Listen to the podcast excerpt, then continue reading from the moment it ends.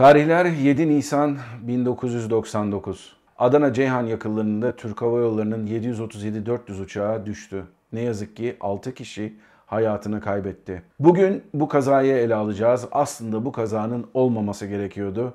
Bu kazanın olma nedenlerini de beraber inceleyeceğiz. Hadi gelin başlayalım. Ladies and gentlemen, welcome aboard. This is your Kaptan Bahar.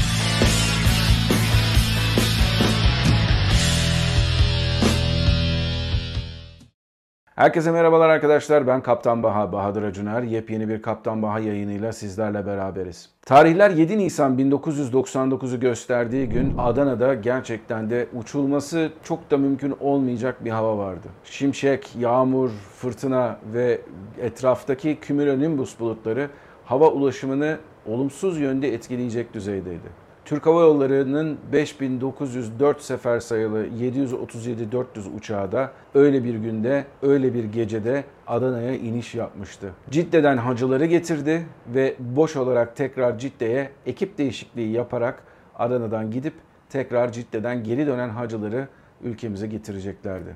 Ama ne yazık ki bu uçuş çok kısa sürdü.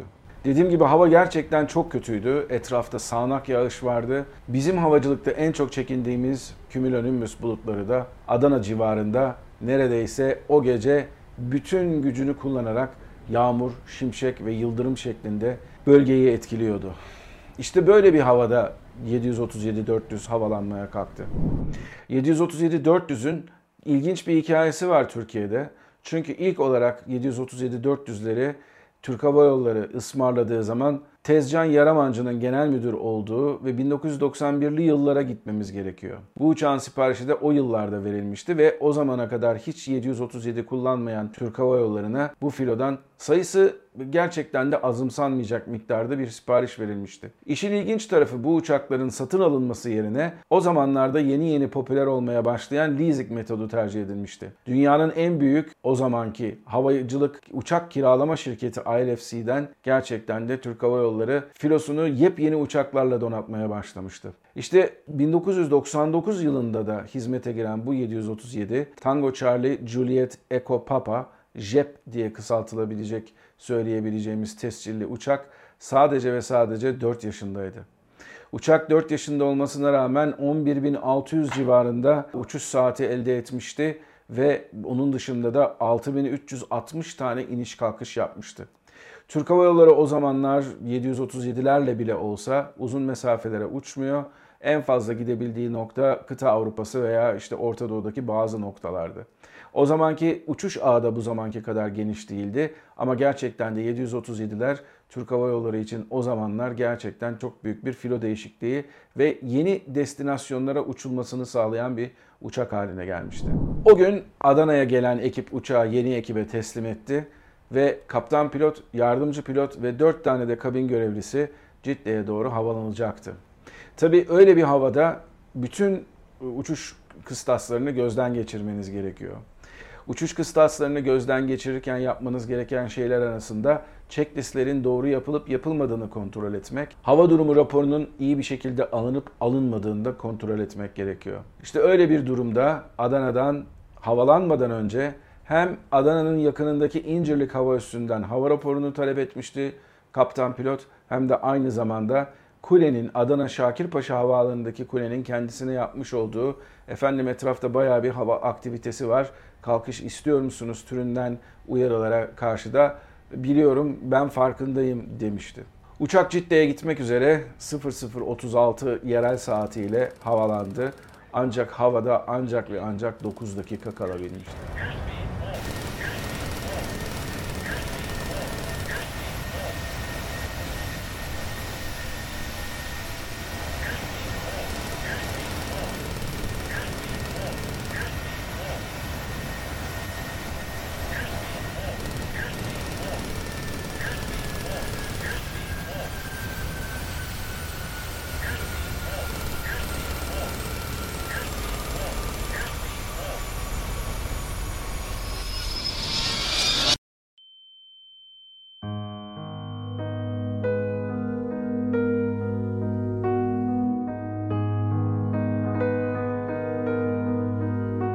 9 dakikanın sonunda ortaya çıkan manzara Uçaktan eser olmayan 30 ila 40 metre çapında bir çukur, yine 30 metre derinliğinde bir çukur ki görgü tanıkları aslında bunun bir yanardağ krateri şeklinde olduğunu söz ediyordu. Uçak kazasından hemen sonra o zamanki Genel Müdür Yusuf Bolayırlı ve bir ekip özel bir uçakla Adana'ya hareket ettiler.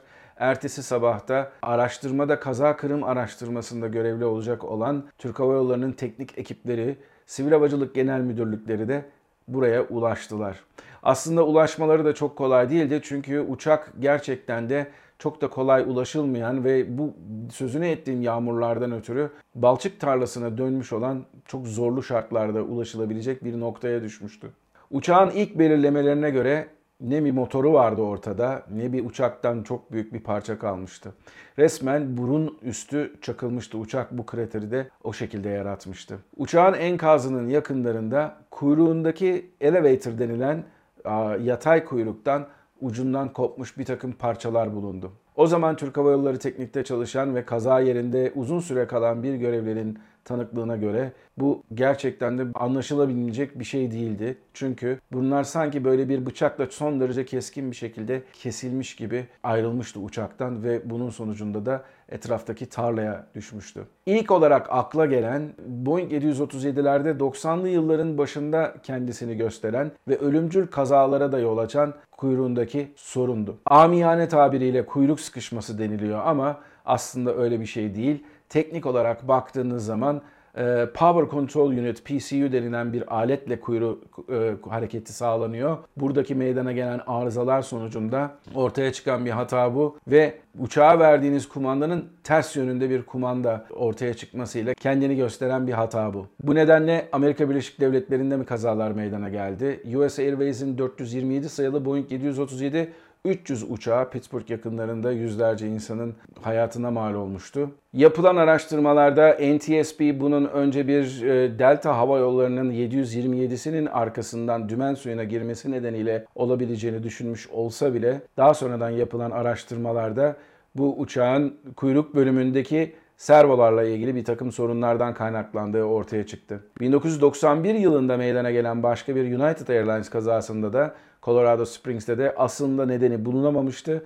İşte bu nedenle tekrardan o kaza araştırması yapıldı ve daha sonradan olmayan kazalar son dakikada kurtulmasıyla beraber 1996 yılında East Wind Airlines'ın Amerika'daki ufak bir hava yoluydu çok kısa süreli olan Richmond, Virginia'daki e, inişe geçtiği sırada yaşadığı bir takım kuyruk problemleri vardı. Allah'tan burada bir kaza sonuçlanmadı. Ama bunun benzer başka olaylarda ortaya çıkınca ki bunların hepsi dokümanlara da giriyor. Önce insanlar e, bu Adana'daki kazanın da bir kuyruk problemiyle ortaya çıkacağını düşünmüşlerdi ama yanılmışlardı. Hatta ve hatta ilk olarak kazanın ertesi günü gazetelere demeç veren Yusuf Bolayırlı bundan şüphelendiklerini söz etmişti. Olaydan bir e, terörizm veya herhangi bir kötü amaçlı yapılan bir eylem olmadığı konusunda en azından bir takım bilgiler olmadığı yönünde açıklamalarda bulundu ve ertesi günkü 8 Nisan 1999 tarihindeki Hürriyet gazetesi bile bu konuda bir manşet atmıştı. Amerika'daki kazanın benzeri diye. 94 yılında meydana gelen US Airways kazasının sonucunda ortaya çıkan sorun Allah'tan burada ortaya çıkmamıştı. Yani Türk Hava Yolları'nın uçağı zaten o zamana kadar da üretilen uçakların hepsinin tekrardan bakım geçirilmesi zorunluluğu nedeniyle bakımdan geçirilmişti ve bu sorunun ortaya çıkması mümkün değildi. Tabi araştırmalar CVR ve FDR denilen hem Cockpit Voice Recorder, kokpitteki konuşmaları kaydeden kara kutu ve FDR denilen Flight Data Recorder denilen uçuş verilerini kaydeden kara kutunun bulunmasıyla daha da hızlanacaktı, daha da çok veri elde edilecekti ama ne yazık ki uçağın içinde gömülü olduğu bu kriter bu aletlerin bulunmasını engelliyordu. Şimdi bu konuda bir parantez açacağım. Ben bu kanalda sizlere hem kaza raporlarından hem de e, güvenilir kaynaklardan alınan bilgilerle videolar çekiyorum. Benim amacım size havacılık konusunda ilginç bilgiler vermek.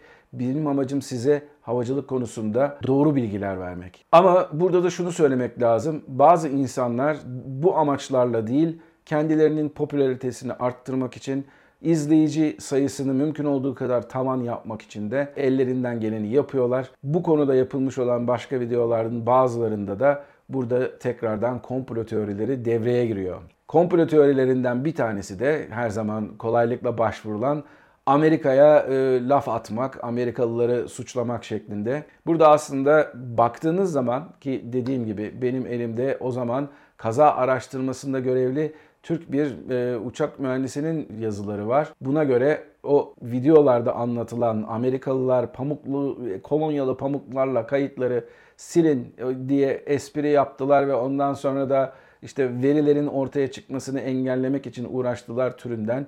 Artık komplo teorisi mi dersiniz, saçmalık mı dersiniz? Bu tür bilgiler bu kazada söz konusu değil. Kazayı araştırmak üzere tabii ki Sivil Havacılık Genel Müdürlüğü'nden kaza kırım araştırma ekibi vardı. Ama bunun dışında bu ekibe destek vermek amacıyla hem Amerika'dan NTSB'den, e, National Transportation Safety Board'dan hem de Boeing'den insanlar gelecekti. Onun dışında motorların temsilcisi olarak CFM bir temsilci veya birkaç kişi yollayacaktı ve en sonunda da uçağın leasing şirketinin arasında yapılmış olan sigortalandırmayı üstlenen sigorta şirketinden de görevliler gelecekti kaza yerine. Bunun olması ertesi günü buldu. Yani 9 Nisan tarihinde geldiler ve özellikle de kazaya müdahale eden Sivil Havacılık Genel Müdürlüğü'nden olan insanlar da kaza mahallini mümkün olduğu kadar orijinal durumunda korumak için ellerinden geleni yaptılar. Bunun sonucunda tabii ki dediğim gibi FDR ve CVR'ların yani kara kutuların bulunması gerekiyordu. Kraterdeki yapılan kazı maalesef kepçeyle yapılan bir kazıydı ve her türlü şartlarda zor bir kazıydı. Bunun sonucunda ilk olarak CVR bulundu. Tahmin edildiğinin aksine bunlar Amerika'ya değil Türkiye'ye yollandı. İstanbul'daki Türk Hava Yolları'na ait aviyonik bakım atölyesine yollandı. Ve bu CVR gerçekten de yani kokpitteki bütün konuşmalar da e, tamamıyla kayıt altına alınmıştı ve bunların hepsi de iyi durumdaydı. FDR'da o kadar maalesef e, şanslı olamadık. Flight Data Recorder'larda önceki teknolojilerde metalik bir bant üzerine kaydedilen uçuş verileri artık burada teknolojisinin de gelişmesiyle beraber normal bir tape üzerine kaydedilmişti. Ama bu da onun eskisi kadar çok sağlam bir kayıt sağlamasına engel oluyordu. Çünkü maalesef kırılmaz denen FDR'da e, uçuştaki ortaya çıkan güçle beraber paramparça olmuştu. İşte Türk Hava Yolları'ndan gelen teknisyenler yaklaşık makarada kalan bir metrelik bölümü aldılar. Onun dışında da müthiş bir hani böyle iyi, samanlıkta iğne arar gibi müthiş bir eforla beraber 2-3 hafta boyunca FDR'ın diğer parçalarını bulmaya çalıştılar ve bunun sonucunda da aynı zamanda bir metrelik daha bölük pörçük parçaları da bulmak onlara kısmet oldu. Bunun sonucunda bunlar incelemeye yollandı. Önce tabi Türk Hava Yolları'nın elindeki olanaklar kullanıldı. Arkasından da NTSB'ye gitti bunlar Amerika'da. Tabi kaza araştırması yaparken sadece bu iki veriyi kullanmıyorsunuz. Elinizdeki verilere bakarak örneğin kanat uçlarındaki arkadaki kuyruk uçlarının neden bölündüğünü, nasıl bir hızla bölündüğünü sizin tespit etmeniz kaza hakkında bir bilgi veriyor. Bu arada kazada ortaya çıkan parçalardan bir tanesi de motorlarda kullanılan ve onun gaz koluyla olan ilişkisini belirleyen FCU denilen e, Fuel Control Unit denilen bir parça var. İşte bu parçanın bulunması da kazaya bir anlamda ışık tuttu. Bu parçayı görerek, bunu inceleyerek orada gaz kollarının hangi pozisyonda olduğunu tahmin etmeniz son derece mümkün. Bu yapılan araştırma sonucunda da gaz kollarının tamamen açık sonuna kadar hani tabiri caizse köklenmiş olduğu da gözlemlendi. Şimdi burada bakalım neden bu olay gerçekleşmiş? Ne nasıl hatalar yapılmış ve şu an baktığınız zaman aman tanrım nasıl böyle hatalar bir pilotlar yapabilir diye elinizi başınızın arasına koyup düşündürecek bir takım çıkarımsamalar var. Bunlardan bir tanesi kokpitteki as-üst ilişkisi. Bu ilk defa başımıza gelmiyor. Türk Hava Yolları'nın veya Türkiye'deki bazı hava yollarının yaşamış olduğu bir takım kazalar veya bir takım kazaya ramak kala olaylarda da bunun benzerlerini görmemiz mümkün. Size Isparta kazasını anlatmıştım. O videoyu burada izleyebilirsiniz. FO'nun uzun zamandır uçmayan askeri pilot olarak hava yoluna girdiğini söylemiştim. Aynı şekilde burada da FO'nun askeri pilot olduğunu ve aynı zamanda 8 ila 10 yıldır uçmadığını da söylemek zorundayım sizlere. Ben kesinlikle askeri pilotlar kötüdür,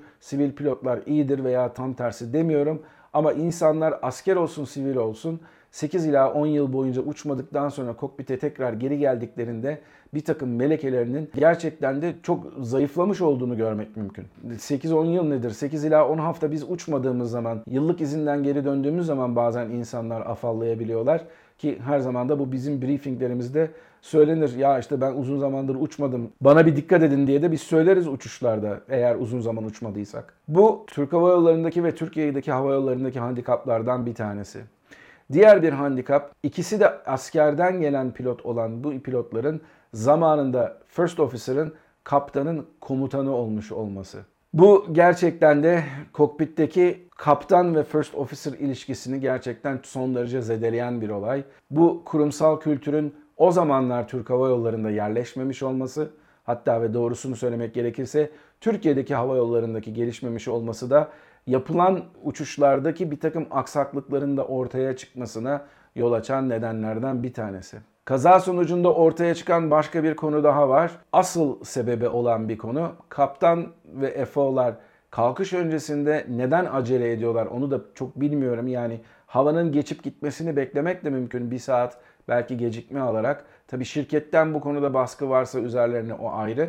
Onu bilemem. O konuda herhangi bir veriye ulaşamadım. Ama sürekli olarak hani gidelim ne olur gidelim diye havanın da geçmesini beklemeden veya havanın daha hafif bir havaya dönüşmesini beklemeden illa kalkış yapacağız demeleri, bir an önce Cidde'ye varmalarını istemeleri checkliste bir tane önemli bir maddenin atlanmasına yol açıyor. Aslına baktığınız zaman kazanın en büyük nedeni de bu. Buzlanma zamanında ortaya çıkan uçuş aletlerine veri veren pitot tüplerinin buzlanması nedeniyle bu uçak hem hız göstergelerinde sorun yaşıyor hem de bunun sonrasında pilotların müdahalesindeki o ast üst ilişkisindeki bir takım aksaklıklar nedeniyle e, bu kaza ortaya çıkıyor ve daha sonradan bu durumdan kendilerini kurtaramıyorlar. Bu checklist gerçekten önemli bir olay. Bu checklisti yaparken sizin gerçekten de bölünmemeniz lazım. Checklistin ortasında bölünmemeniz, dikkatinizin dağılmaması gerekiyor. İşte burada da ikinci başka bir nokta daha önemli. Bu uçak bir ferry uçuşu olduğu için yani boş gittikleri için kabin amiri geliyor ki işte kalkışta sizinle kokpitte olabilir miyim vesaire vesaire türünden arzularda bulunuyor. Onun kaptanlar da son derece iyi niyetle hani gelin e, observer seat'e oturun diyorlar ve CVR'da ortaya çıkan verilerin sonucunda da aslında kabin ekibinden iki kişinin kokpitte olduğu ve bu acil durumda da e, ortalığı birazcık velveleye vermelerinin nedeniyle kaptanların dikkatlerinin dağıldığı ortaya çıkıyor. Hatta ve hatta kokpitteki ciddiyetsizliğe bir örnek vermek açısından söyleyeyim. Yapılan CVR incelemesinde şöyle bir konuşma geliyor. Türkiye saatiyle 00.36'da gerçekleşen kalkış sonrası kabin amiri tekrar kokpite gelip müşahit sandalyesine oturuyor ve kabin amiri bu şemşeklerden çok korkuyorum. Bunların uçağa bir zararı olur mu diye soruyor. Pilotlardan bize bir zararı olmaz diye bir cevap alıyor. Derken uçakta kuvvetli sarsıntılar başlıyor. Bir pilot sarsıntıları kastederek diğer pilota da hitaben biraz uçtuğumuzu anlayalım değil mi canım diyor. Ama ondan sonra kabin amiri hava radarının ekranını görüntüleyen renklerin ne anlama geldiğini soruyor. Bakın burası çok ilginç. Pilot bu renkli bir hava radarı önümüzdeki bulutların tehlikeli olup olmadığını gösteriyor. Renk kırmızıya doğru gittikçe tehlikeli olduğunu anlıyoruz.